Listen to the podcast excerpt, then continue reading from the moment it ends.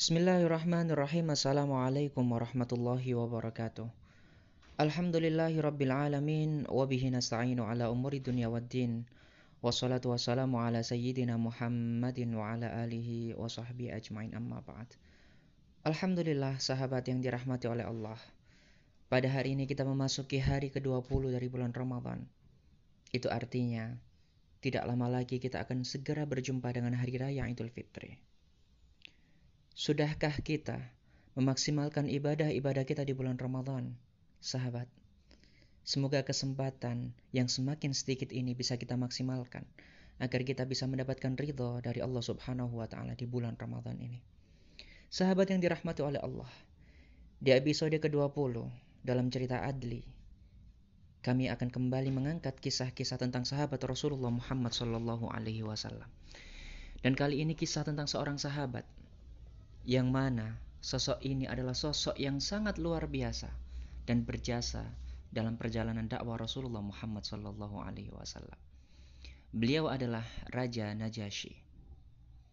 Tentu kita semua tidak asing dengan nama Raja Najasyi, di mana Raja Najasyi adalah seorang raja yang memerintah negeri Habasyah di Afrika. Cerita tentang Raja Najasyi sangat familiar sekali di dalam sejarah kehidupan Rasulullah Muhammad Sallallahu Alaihi Wasallam. Di mana pada saat itu ketika para sahabat mendapatkan siksaan yang luar biasa dari kaum kafir Quraisy di kota Mekah. Pada saat itu Rasulullah Muhammad Sallallahu Alaihi Wasallam mengutus para sahabat-sahabat ini untuk berhijrah menuju negara Habasyah di bawah lindungan Raja Najasyi. Rasulullah Muhammad Sallallahu Alaihi Wasallam mengatakan bahwasanya di Habasyah ada seorang raja yang begitu adil dan tidak akan mendolimi siapa pun yang masuk ke dalam negerinya. Sehingga pada saat itu Rasulullah Muhammad Shallallahu Alaihi Wasallam mengutus para sahabat dengan dipimpin oleh Ja'far bin Abu Talib. Pada akhirnya rombongan dari para sahabat Rasulullah Muhammad Shallallahu Alaihi Wasallam ini berangkat ke negeri Habasyah.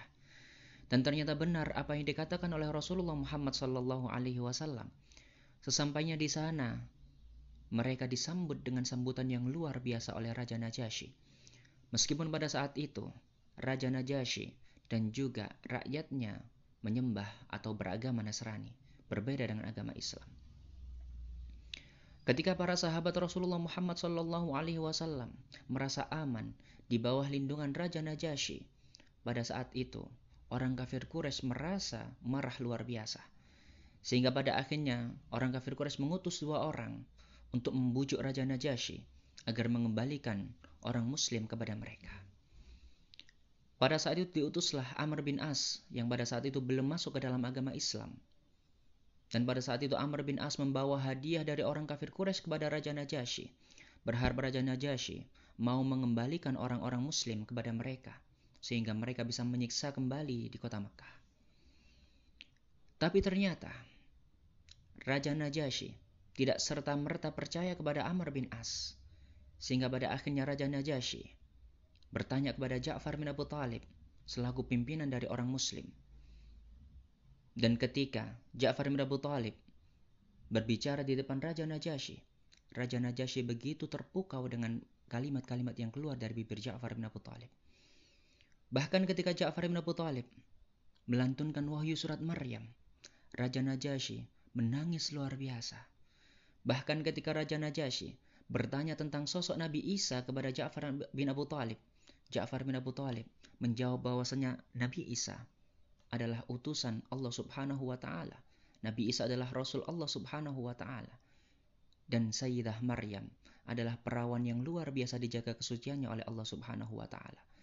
Betapa terharu, betapa senangnya hati Raja Najasyi mendengar jawaban yang begitu bijak dari Ja'far bin Abu Talib Apalagi ia juga menangis ketika mendengar wahyu surat Maryam dilantunkan oleh Ja'far bin Abi Thalib sehingga pada akhirnya Raja Najasyi percaya dan tidak akan mengembalikan kaum muslim kepada orang kafir Quraisy.